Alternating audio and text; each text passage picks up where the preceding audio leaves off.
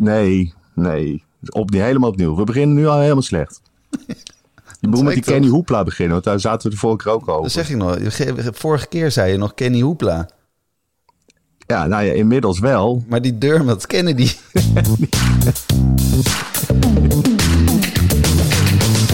Welkom bij Stoppraatjes, de podcast over de live muziekindustrie. Met John van Luijn en Gideon Karting. Ja, goedemiddag, goedenavond, goedenacht en goeie hallo. Het is uh, maandag, uh, ik ben net terug. Ik ben een uurtje terug uh, uit Landgraaf. John, jij? nog geen uur terug. Nog geen uur. Nou, zo, zo relevant zijn we bezig, joh. Ja, we hebben ook urgent nieuws natuurlijk. Urgent nieuws, ja. Allerlei scoops en roddels en achterklap en geinigheid. Tenminste, dat vinden we zelf dan. Laten we beginnen met het hoogtepunt. De hoogtepunten. De hoogtepunten, ja. ja. Nou, we zijn op Pinkpop geweest. Drie, tweede, ik twee dagen, jij drie dagen. Klopt. En uh, ja, nou, zal ik beginnen met mijn hoogtepunt dan? Oh ja, dat moest ik vragen aan je. Ja, ja. Gaat al, ja shit, we bedenken al die shit van tevoren. Dat gaat ook nooit goed. Hè? Mijn hoogtepunt was, was Inhaler. En waarom? Uh, en dat is ook eigenlijk mijn vraag aan jou. Heb jij enig idee welke Pinkpop headliner bij Inhaler uh, als gitaartechnicus heeft opgetreden. Uh, zijn nou uh, Pinkpop head, headliner of Pingpong headliner? Nee, Pinkpop headliner. Nou, dan heb ik nieuws voor je. Dat was ook namelijk de Pingpong headliner. Namelijk de hele band Inhalen stond met hun gitaartech te pingpongen. En ze liepen steeds rondjes en moesten ze om en om slaan. Ja, en ze hadden er echt de grootste lol in. Dat was echt heel leuk om naar te kijken. En op een gegeven moment herkende iemand natuurlijk die gitaartech. En er bleek ook echt iemand te zijn die, die de gitaar aan het verwisselen was op het podium bij Inhaler. En ik vraag me af, eh, ik heb er niks over gelezen nog. Nee, maar, het is nou, zeg maar wie het was. Martin Garrix, dames en heren. ja, het is echt serieus. Je, je gelooft het niet, maar het was echt... Het was, en die gasten, die hadden er zo'n lol van. Echt niet normaal. Het was echt te gek om te zien. Superleuk.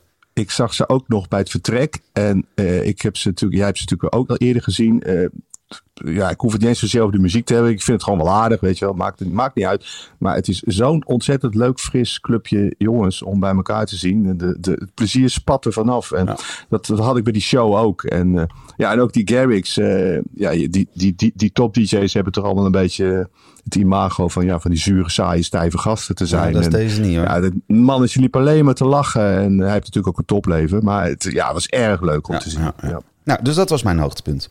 Oké, okay. ken jij Frans? Nee. Weet jij?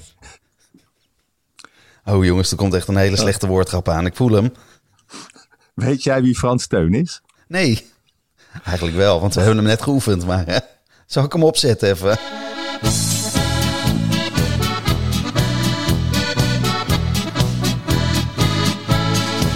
Veel zien te jen, met dat is zo fijn.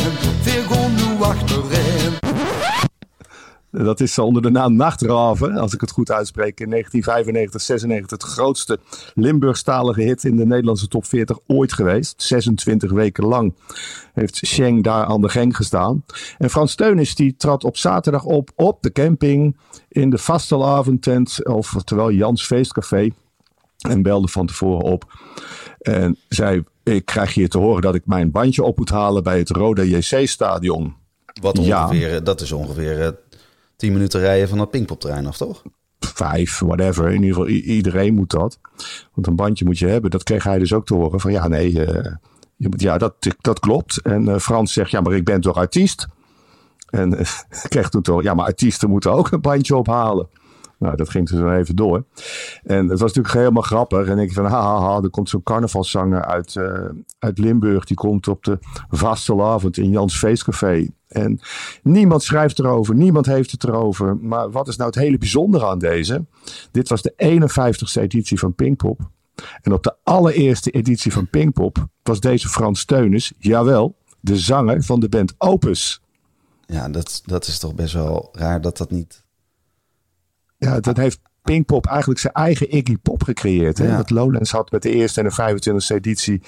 Met Iggy Pop heeft Pinkpop toch mooi voor elkaar met uh, Frans Teunis. Ja, bizar, bizar. Nou, ik denk dat uh, als Jan uh, nog aan het roer had gestaan, dan had hij, dan had hij daar vast aan gedacht.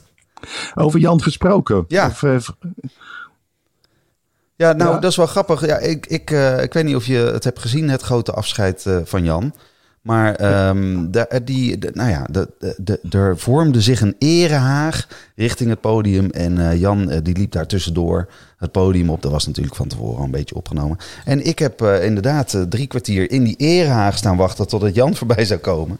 En dat was tijdens het optreden van jouw favoriete band die jij niet hebt gezien, een Maneskin. Klopt. En Ja. die, eh, dat filmpje heb ik dan weer wel gezien, dat de band van het podium afloopt. Ja, dat was echt dat was heel grappig. Want wij stonden daar nou, serieus een half uur te wachten. Maar dat was natuurlijk bedoeld dat, ja, dat, ja, dat we dat even snel zouden opnemen. Met die honderden mensen. En dat dan, hè, nou, en dan Menneskin die speelt gewoon. En dan is die haag weer weg en het beentje er vanaf, klaar. Maar in dit geval, omdat het wat langer duurde, ehm, kwam het beentje van het podium af. En eh, wij stonden daar met z'n honderden eh, te klappen voor Maneskin die van het podium afkwam. Dus die denken nu dat elke keer als ze in Nederland spelen op een festival... dat bij elke band eh, er gewoon 200 man de crew aan de zijkant staan om te klappen voor de show. Ze hebben dat eh, inderdaad een klein uurtje gedacht. En daarna heeft iemand het verteld dat het toch echt eh, een soort van toeval was. En dat vonden ze dat ook wel heel mooi.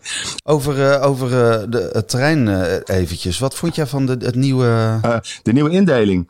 Ja, nou ja, het was natuurlijk de bedoeling dat je dus op dat ene podium, Zuidpodium, dat stond recht tegenover het, nou, ik noem het voor het gemak maar even het Noordpodium. Ja. En als het op het ene podium klaar was, gingen ze op het andere podium beginnen. Eh, maar door dat hete weer, het was natuurlijk dik 30 graden, werd het beoogde effect, namelijk de draf- en renbaan in ere herstellen, en niet echt gehaald. Het was meer de draf- en shockbaan. Alleen eh, de presentator van het hoofdpodium heeft nog een poging gedaan. Of van het Noordpodium, nu ben ik het even kwijt. Nee, van het hoofdpodium.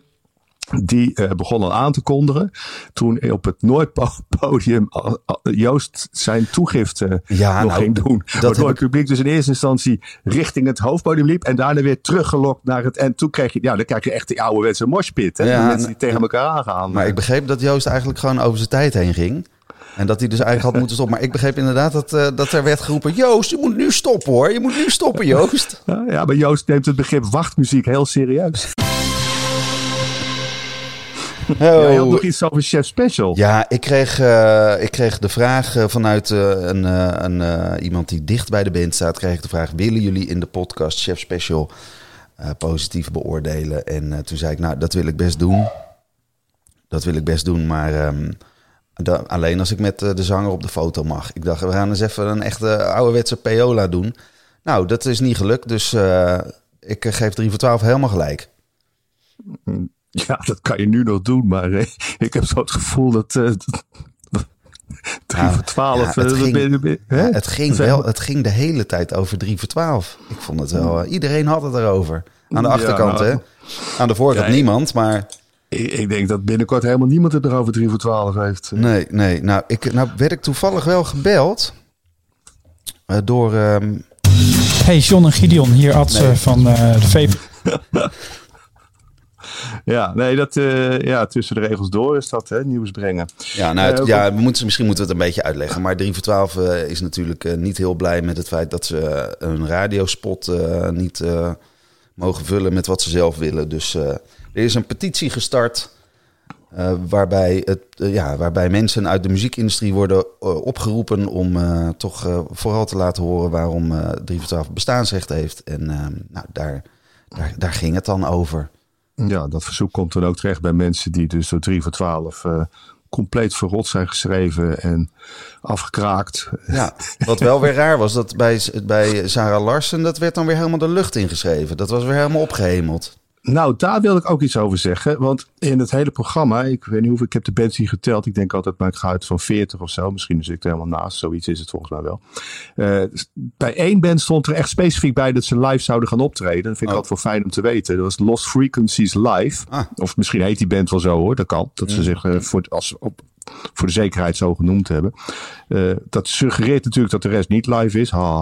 Maar bij Sarah Larsen was dat in ieder geval wel het geval. Want daar stond toch meer dan de helft gewoon eh prefab op, eh, op tape. En daar was niet zo heel veel live aan. Maar bij Idols daarentegen was het wat mij betreft 100% zeker live. Want ik heb zelden een zanger zo vals horen schreeuwen. Dat is echt enorm. Ah, Ja. volgens mij bij Metallica staat er ook de helft op tape, of niet?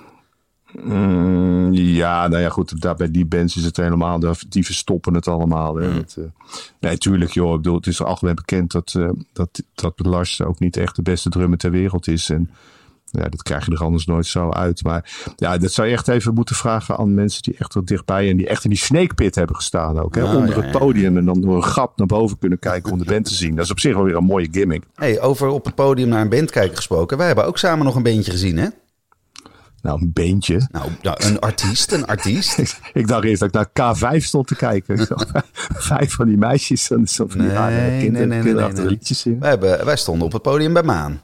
Ja, en Sneller, Ja, die kwam er ook nog bij. ook ja. nog mee. Die Ja, kwam- ik- ja. duurde Jij bent, even, maar uiteindelijk kwam die ook het podium op. maar Sneller. jij, jij, jij, jij, jij was altijd eh, redelijk eh, kritisch. Ik, ik niet, maar eh, ik begreep dat jij nu ook fan bent. Eh, ja, ik ben nu fan, want ik heb heel goed nieuws. Eh, in het Juice-kanaal wereld, en dat schijnt altijd te kloppen, daar, daar kan je momenteel vinden dat eh, Maan het gedaan heeft met eh Freek van Suzanne in een bezemkast tijdens eh, de Vrienden van Amstel. Nou, of dat waar is of niet, weet ik niet. Maar als dat eventueel het begin zou inluiden van het eind van Suzanne en Freek, dan heeft Maan toch wel, wat mij betreft, eh, een paar bonuspunten verdiend. Ik heb nog één puntje. Ik heb nog De outro. één- Nee, nee, nee. Nee, en nog één puntje namelijk. Oh. eh gisteren was het wel eh, Vaderdag. En ik vond het leuk dat ze daar eh, van de programmacommissie op hadden ingespeeld. Ja, dat vond ik ook. Ja, we hadden, we hadden het er net al over. Natuurlijk, Inhaler is een zanger met een bekende vader. Maar ook Siggy Marley stond daar natuurlijk. Die ook natuurlijk eigenlijk alleen maar bekend is vanwege zijn vader. Toch? Dus ik vond toch, Nou, dat, ze er, ik vond toch dat ze er goed over na hadden gedacht. eh. Nou, je kan over, dat wil ik nuanceren. Je, je, kan, je kan van Ziggy Marley wel zeggen dat hij daar zonder zijn vader niet geweest was. Ja, dat bedoelde ik.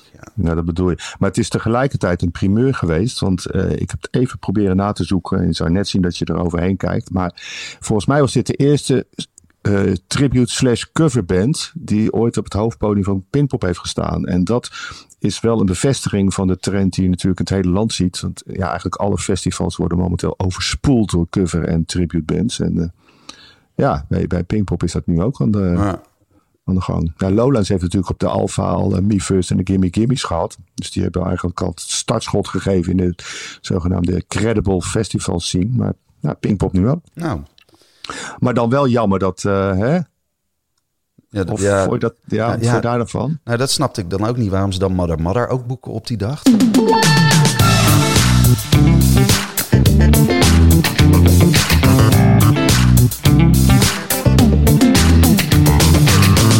Dank voor het luisteren naar misschien wel de beste aflevering van Stokpraatjes. Word daarnaast vooral lid en vind ons leuk. Tot de volgende.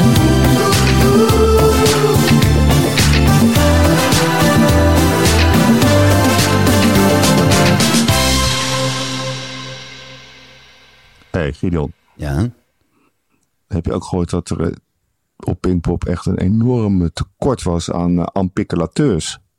Ehm, ik, ik zou oprecht niet weten wat dat zijn. Of wat Het dat het, is. eh, ja, dat, dat woord is volgens mij uitgevonden om eh, mensen in de jaren zestig eh, de indruk te wekken dat ze een serieuze baan konden krijgen. En anders deed niemand dat. Het zijn namelijk papierprikkers. Ach, Nou, het was echt een, op, na de eerste dag echt een enorme teringzooi op het terrein. En eh, nou, ik vond het toch knap. Ik heb er zaterdag en zondag op zitten letten en het zag er een stuk schoner uit. Dus eh, ja, de, de mobiliteit van de organisatie eh, heeft me dan toch weer positief verrast. eh.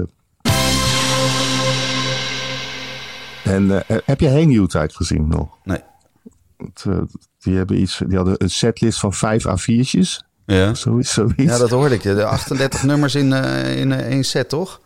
Ja, het is een beetje de Napalm Death van de punk geworden. Ja, ja, het, ja. het was natuurlijk ook zo'n band die allemaal nummers hadden van minder dan een minuut. Toen ze begonnen. En, eh, en dan toch nog de tijd vinden om tussen de nummers door het publiek te vragen van... eh, heeft er hier nog iemand op de VVD gestemd? Nou, dan gaat natuurlijk een paar handen de lucht in. En dan eh willen jullie dat niet meer doen.